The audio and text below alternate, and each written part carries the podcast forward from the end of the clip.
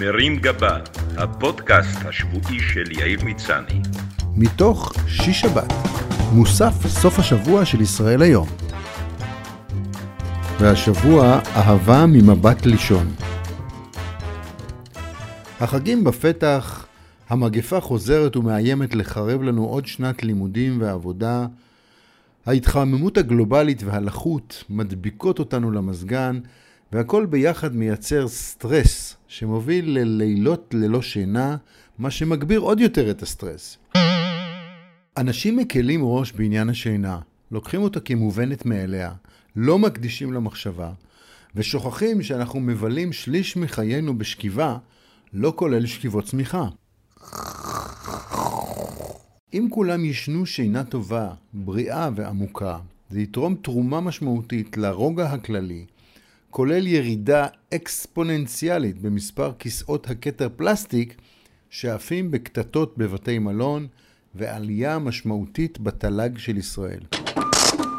לכן אני מופתע שהממשלה, שיש בה שרים להמון עניינים שוליים כמו תיירות, תפוצות או שיתוף פעולה אזורי, עדיין לא מצאה לנכון למנות שר לענייני שינה, נושא המעסיק את מרבית האוכלוסייה מדי לילה.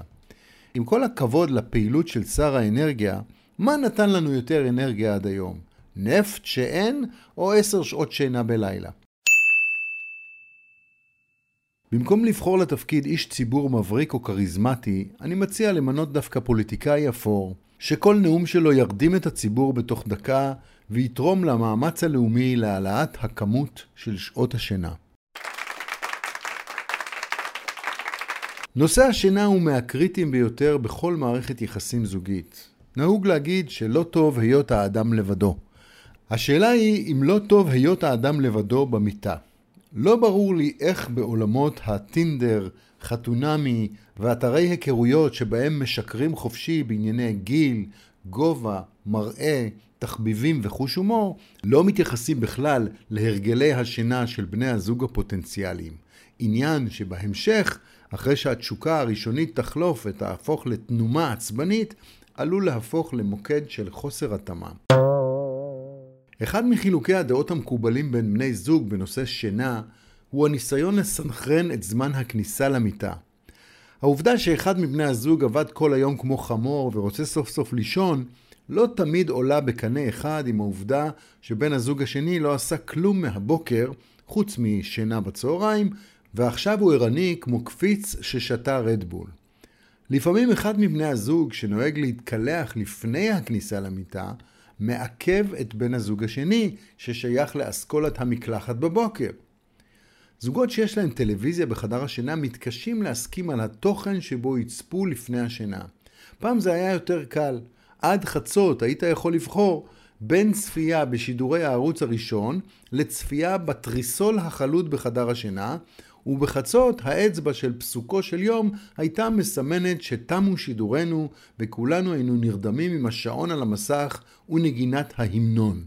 היום בעידן אין ספור הערוצים, הטלוויזיה לא נגמרת לעולם. לצד העלייה במגוון הערוצים, עלתה גם כמות האופציות למריבות זוגיות בשאלות כמו מה לראות, אחרי כמה פרקים לכבות וללכת לישון, והאם לגיטימי שהאישה תמשיך עם הבינג' של שובר שורות, למרות שבעלה כבר שובר קירות עם הנחירות שלו.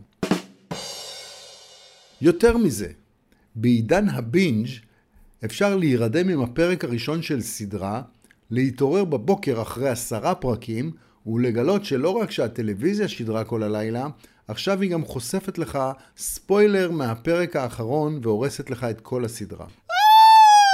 יש זוגות שבהם אחד מבני הזוג רוצה לשכב לפני השינה על הגב עם ספר, אבל מנורת הלילה הקטנה מפריעה לשני, שאוהב להירדם בחושך עם מוזיקה בווליום גבוה, מה שגורם לעצבים בווליום גבוה בצד השני של המיטה. יש מי שמתקשים להסכים על הטמפרטורה בחדר, על רמת ההחשכה של הווילון, או על השאלה אם לישון עם דלת פתוחה או סגורה. בחורף מתקיים הקרב על הפוך, כולל משיכות הדדיות מצד לצד והמתנה סבלנית לרגע שבו הפרטנר נרדם כדי לבצע מחטף ולהעביר את השמיכה למקומה הטבעי. בקיץ עולה השאלה, האם העובדה שבת זוגך מעדיפה לישון עם מזגן על 16 מעלות ופוך, ואתה מעדיף בלי מזגן ועם סדין קליל, נובעת מכך שאתה מנסה להימנע מכאבי גב, או שאתה סתם קמצן שרוצה לחסוך בחשמל. הגברת הראשונה למשל חייבת לישון עם מזגן, שמיכה ורעש של תוכנית טלוויזיה רנדומלית שתטשטש רעשים אחרים שעשויים להפריע לה בלילה. היא כמובן נרדמת חמש דקות אחרי שנכנסה למיטה ופורצת בין נחירות חמודות וחרישיות. אבל אם חלילה אכבה את הטלוויזיה, היא תתעורר מיד מהשקט. ככה אני מוצא את עצמי לא פעם מתעורר, קפוא מקור, עם צוואר תפוס, ומבוהל מהוויכוח הלוהט בין פאולה לליאון בענייני דיאטה שמשודר בשידור חוזר, ולא ברור לי אם עכשיו יום, לילה או דצמבר בסיביר. גם הרעש המונוטוני של המזגן יכול לשמש מרדים למי שזקוק לרעש רקע קבוע. אם אתם רוצים לחסוך בחשמל, אפשר להסתפק בהקלטה של מזגן. מדי פעם אני שומע על זוגות ותיקים שבגלל חילוקי דעות בענייני רעש, תאורה, שמיכה, זמני שינה, נחירות ושאר רעשים שלא זה המקום לפרט, ויתרו על הלינה המשותפת. כל אחד מהם מתבצר בחדר שינה משלו, והם נפגשים במיטה המשותפת רק למפגשים רומנטיים. חלק מהם מגלים אחרי זמן שהם לא מצליחים להירדם בלי הנחירות והבעיטות מתוך שינה של הפרטנר. לכל אדם סגנון שינה משלו והרגלים שאינם קשורים לשותפו למיטה. בתחום ההלבשה למשל יש מי שמעדיפים את הטרנינג, שהפך עם השנים לבגד שינה, שהיא ההפך הגמור מפעילות ספורטיבית. ויש את נאמני הפיג'מה. פעם היו מי שישנו לא רק בפיג'מה אלא גם עם מצנפת. למרות שלא ברור מה האינטרס של מישהו שאינו דמות מהאגדה של האחים גרים ללבוש כיסוי ראש כזה במהלך הלילה. תמיד תהיתי מה הנוהל המקובל אצל בעלי פאות נוכריות. להם יש בוודאי דילמה אם לישון עם או בלי הפאה. מצד אחד זה זמן מצוין לאוורר קצת את הפדחת. מצד שני, יש חשש שמישהו ידפוק פתאום בדלת בבהילות, או שתישמע אזעקה שתאלץ את בעל הפאה לרוץ לחדר המדרגות. מהבהלה הוא עלול לשכוח את הכיסוי על ראש הקלקר שליד המיטה, מה שיהפוך את המפגש עם השכנים למעניין במיוחד. כדי להבין את חשיבות השינה למין האנושי, צריך לזכור שיש אנשים שמוכנים להעיף אלפי דולרים רק בשביל האפשרות לקבל במטוס כיסא שהופך למיטה, ומאפשר להם לישון באופן סביר, ולא לנקר לתוך המגש עם העוף. מצד שני, גם מי שמשקיע יתעורר מההודעות של הדייל ברמקול על מוצרים פטורים ממכס וחלוקת מגבונים חמים, ואז הלכה השינה והלך הכסף. המטוס הוא לא כלי התחבורה היחיד שמעודד שינה.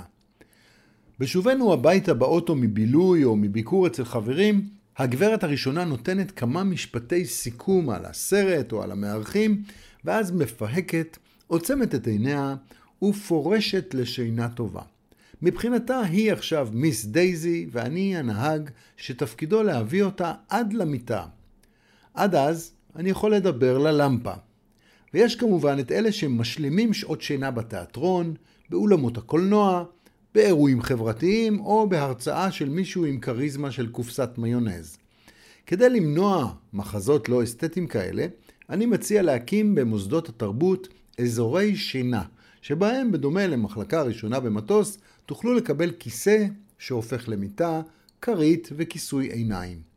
ככה, בזמן שהאנשים מסביב צופים בסרט מהיר ועצבני, אתה תעביר אותו רגוע וישנוני.